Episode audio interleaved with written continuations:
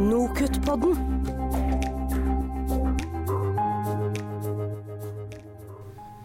Jeg syns det som kanskje har gitt meg mest eh, fra det sommerprosjektet her, da, det er å se på problemstillinger med nye øyne.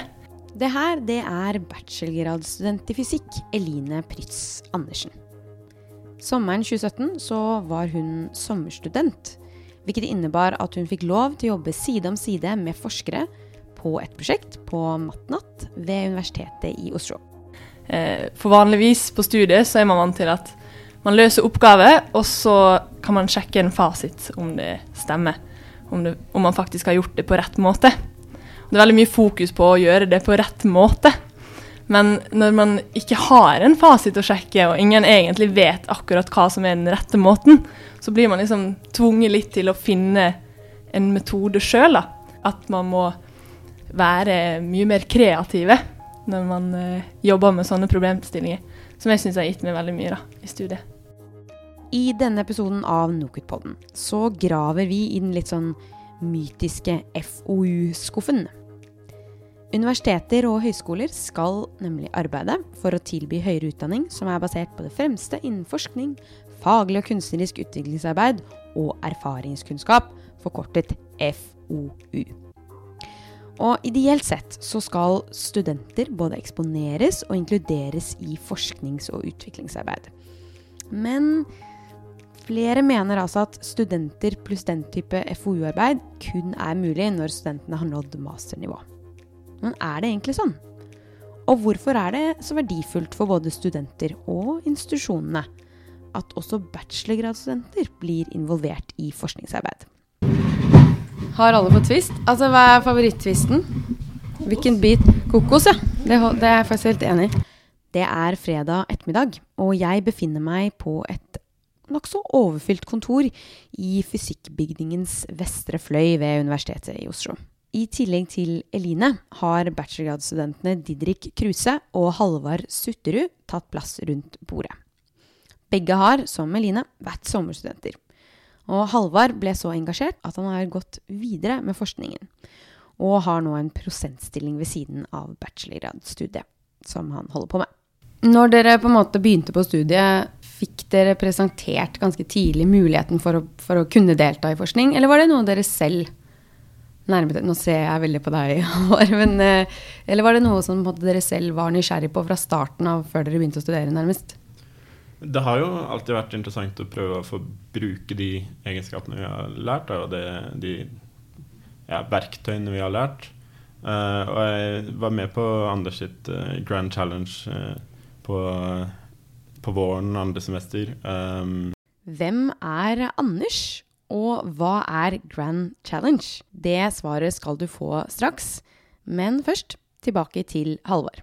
Jeg Syns det var veldig spennende å liksom få ja, se hvilke muligheter man hadde for å bruke det man uh, lærte å anvende. Da. Fordi det, ja, det gir et godt uh, inntrykk av hva man kommer til å sitte igjen med på slutten av bacheloren, og hva, hva man kan gjøre etterpå. Da.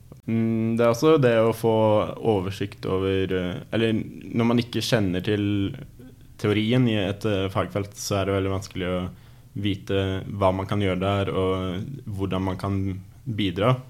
Mens når man angriper eh, problemstillinger som man kan løses med de enkle programmeringsverktøyene man har lært, så, ja, så blir man litt mer sånn hm, dette, er, dette er spennende. Dette kan jeg gjøre noe med. Det, ja. Men gir det selvtillit? Didrik, nå er det din tur. Altså fordi at I utdanningen så har man jo hele tiden en, en professor som snakker og gir informasjon. Men nå så blir man løft, løfter man studenten nesten opp til et nivå sammen med professoren. da, ikke sant? At de forsker sammen og sånn.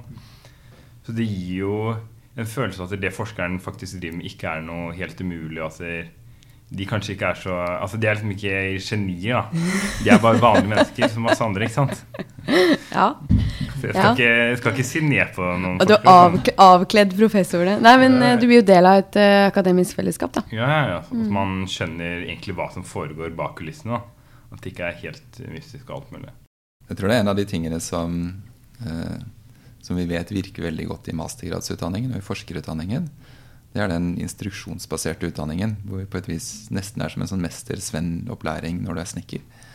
Man på et vis står ved siden av noen som jobber. Det er ikke nødvendigvis det at du forklarer så mye hva som skjer, som at du er sammen med noen som jobber med den samme prosessen. Ja, det er altså dette som er Anders. Anders eh, Malte Sørensen er eh, hans eh, fulle navn. Og det er også vårens skyld hans overfylte kontor vi befinner oss på. Anders er professor i fysikk og leder Senteret for fremragende utdanning, CCSE, som står for Center for Computing in Science Education. Han jobber for, og er altså lidenskapelig opptatt av, at enda flere bachelorstudenter skal gis de ferdighetene som skal til for å kunne bidra tidligere inn i forskningsarbeid. Men også mener han at disse ferdighetene er helt grunnleggende for at studentene senere skal klare seg i arbeidslivet. Og hans eh, engasjement det startet med noe han har kalt for Grand Challenge. Så det initiativet begynte jeg egentlig mens jeg underviste grunnkurs i fysikk her. Eh, hvor jeg så at det var et behov også for å få noe ekstra tilbud til de beste studentene. Så da tenkte jeg at jeg skulle prøve å lage et tilbud hvor de fikk lov til å være med på å gjøre noe reell forskning. Så jeg plukket opp en artikkel fra Physical Review Letters, som er en av de beste journalene i fysikk, eh, i november. Og så i februar så ønsket jeg at studentene skulle prøve å reprodusere den artikkelen. Det var jo ikke en tilfeldig valgt artikkel. Jeg hadde valgt en artikkel som var tilpasset det nivået og de kunnskapene som studentene hadde i februar. Og så sa jeg til studentene mine egentlig i åpent klasserom er det noen som har lyst til å være med og jobbe to til åtte timer ekstra i uken uten å få studiepoeng eller penger for det. Uh, og det var det. Det var overraskende mange. Det var ca. 50 studenter som møtte opp på den første runden hvor vi gikk gjennom og diskuterte forskningsmetodikk og hvordan man leser artikler, hvordan vi skulle jobbe i prosjektet. Så, den, så, falt det litt studenter fra underveis, men det tenker jeg er helt greit. Så, det, så studentene fikk på et vis en gradvis innføring i hvordan det er å reprodusere en artikkel. Og I slutten av semesteret så satt jeg igjen med kanskje åtte studenter som alle sammen hadde klart å reprodusere en artikkel som var bare seks måneder gammel. Det var det mange som var, Da du introduserte dette til kollegaer, og sånn, var det mange som var skeptisk til, det, til Grand Challenge-prosjektet ditt? Nei, ikke skeptisk til selve prosjektet. Den, den, vanligste responsen jeg får, er at de er skeptisk til tidsbruken. Eh, fordi at de jo ser at dette er noe som kommer til å ta tid fra min, av min tid. På en annen vis så syns jeg jo det, var, det er jo som annen undervisning. Det er morsomt å jobbe sammen med studenter. Hvorfor er det så verdifullt at bachelorgradsstudenter bidrar inn i eh, forskningsarbeid? Det, det, er flere aspekter. Det, jeg tror det er verdifullt for studentene, men jeg tror også det er verdifullt for oss som institusjon. Eh, fordi at det er med på å rett og slett bare få brukt flere av de som er studenter. Brukt deres kreative potensial, tenker jeg. Det er litt mm. som annen sånn demokratisering av utdanning. Vi har Fordelen i Norge er jo på et vis at vi har et flatt nivå. Alle får muligheten til å prøve seg. Ja, kanskje burde enda flere få muligheten til å prøve seg litt på, på forskningsprosjekter eller på liksom den mer kreative utøvelsen av faget enn det som vi ellers har. Jeg tenker det er en fordel for oss at vi, vi får det. Dessuten så må jeg si at for meg som ansatt, så er det jo Den samtalen er morsommere for meg også. Den samtalen som Didrik refererte til, er en mye morsommere samtale for meg å ha. Eh, fordi at eh, jeg lærer også mye i den samtalen. Det gjør også når jeg underviser, men jeg lærer noe annet som er mye nærmere opp til det som jeg er opptatt av faglig mm. i den samtalen.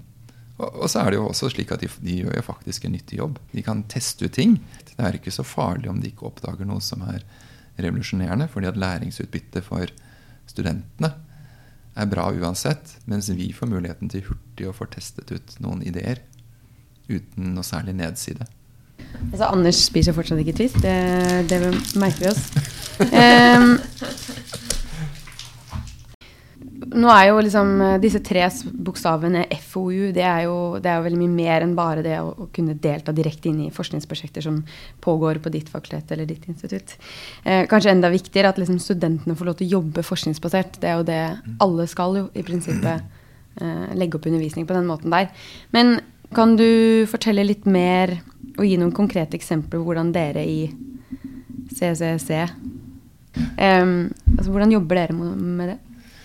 Så vi jobber nok på et vis som Det kan være interessant å høre om studentene har lagt merke til det på samme vis som vi prøver å legge opp til. Så Målet vårt er jo at vi skal i større grad introdusere studentene for realistiske arbeidsmåter.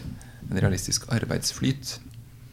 Eh, ved at prosjektene og oppgavene som de jobber med gjennom studiet, ikke alle, men i hvert fall en del av dem, skal ligne mer på slik vi jobber med et forskningsproblem. Hva betyr det? Jo, det betyr at vi ønsker f.eks. ikke at et prosjekt bare skal ha et riktig svar. Kanskje et prosjekt skal ha et element hvor du skal gjøre noe som har et visst element av utforskning. Men så er du nødt til å teste metoden som du utviklet. Og da må du teste den opp mot noe som du vet svaret på. Så det betyr at du trenger å, skrive, du trenger å løse et problem. Da trenger du både å teste det med en eller annen form for teoretisk forståelse for å se at du løser har en metode som er riktig. Hvis det er en beregningsmessig metode, så er en grunnleggende etisk del av hvordan man driver denne typen vitenskap. At vi må teste at vi har regnet riktig. Og så I tillegg så ønsker vi gjerne at det skal være litt større grad av utforskning. Så det vi ønsker er på et vis å åpne opp for mulighetene hvor studentene kan utforske, og hvor de blir for en innføring i de metodene som vi vet egentlig er mer, en mer realistisk arbeidsflyt enn det de vanligvis har. Mm, så vet jeg ikke om dere kjenner dere igjen i den beskrivelsen eller ikke. Det at vi har den opplæringen i numeriske metoder, det føler jeg gjør noe med denne tanken om hva som er riktig. og sånne ting.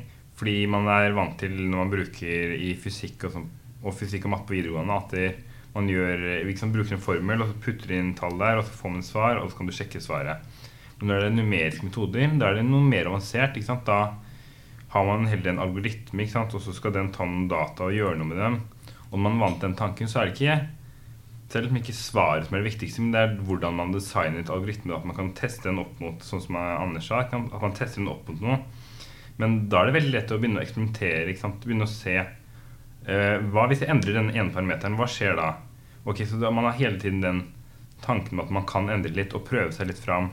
Og det er ikke alltid at det gir noe meningsfullt, men det gir iallfall en viss eksperimentasjon da, som er viktig for den forskningstanken.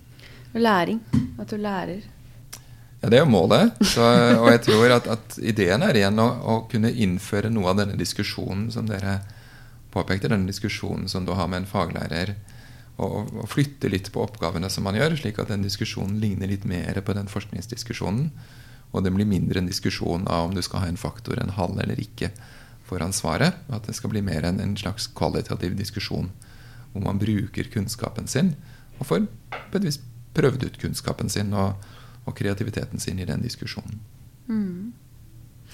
Det er veldig mye snakk om sånn 21 eh, century skills, uh, mye sånn amerikanske ord som sniker seg inn i policydokumenter til uh, Kunnskapsdepartementet og andre. Og kommunikasjon på tvers og sånne ting. Hvordan svarer dere på noen av de behovene, føler du? Hvis du ser på det å være sommerstudent, så får du en ekstramulighet som er enda mer tverrfaglig enn det man kanskje ellers har. Mens uh, når det gjelder den vanlige utdanningen vår, så tenker jeg igjen at det er litt av det, av det samme. Vi, det er klart at innholdet i utdanningen vår ved, ved bruk av, av, programmering og disse metodene er jo fordi at vi ser at dette er, er, ferdigheter som studentene trenger, og som er etterspurt. De er etterspurt i forskning, men de er også etterspurt i arbeidsmarkedet.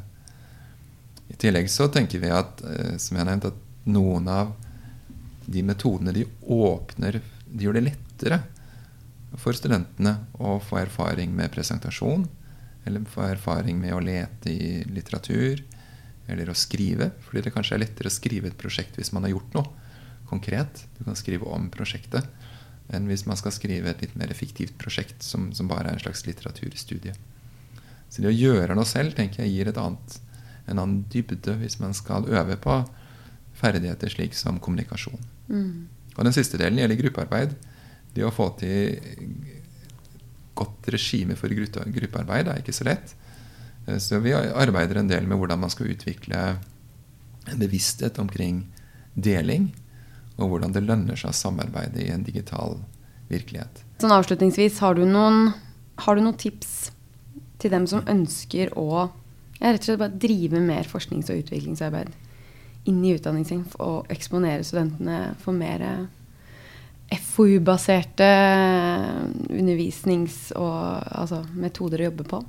Jeg tror grunnrådet mitt vil være å Hvis dette er viktig, hvis man sier dette er en veldig viktig komponent i vår utdanning, vi ønsker å få det til, så må man se på utdanningsløpet og se hva er det du er nødt til å gjøre med det utdanningsløpet. Hvilke ferdigheter er det studentene trenger på et tidlig tidspunkt for å kunne være med på noen enkle forskningsprosjekter? Og så må man kanskje gå inn og endre på utdanningsløpet, slik at de ferdighetene blir lagt inn tidlig nok.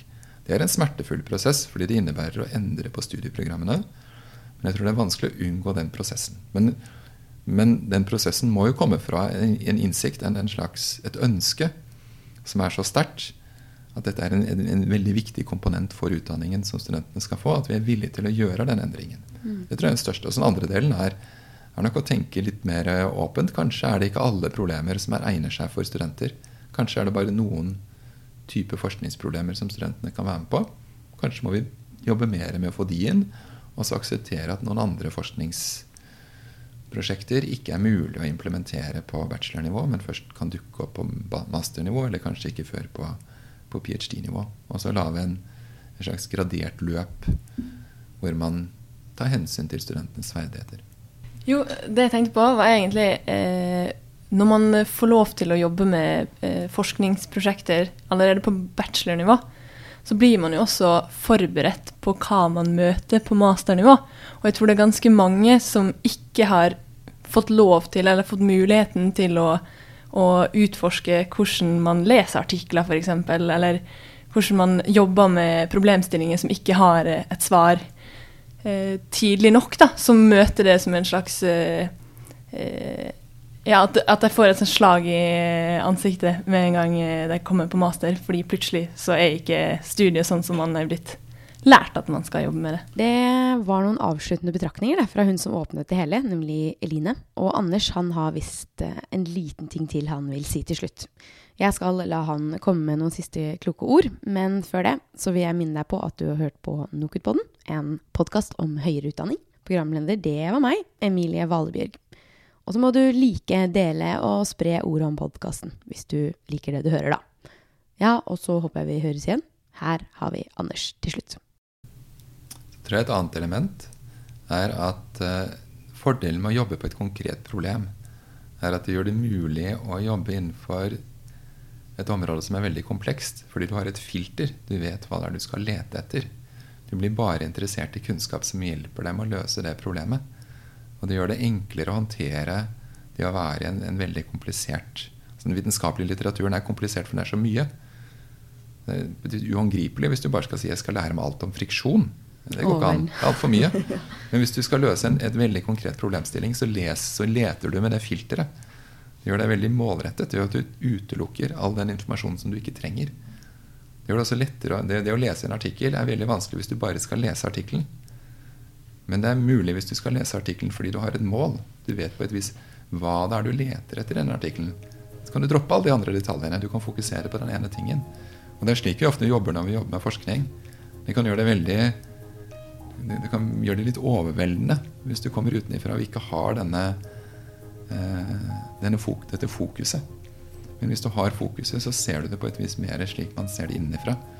At kunnskapsvrimmelen er der, men du leter ut de elementene som du trenger. Og du er veldig praktisk i den jobben. Du tar det du trenger, og så bruker du det.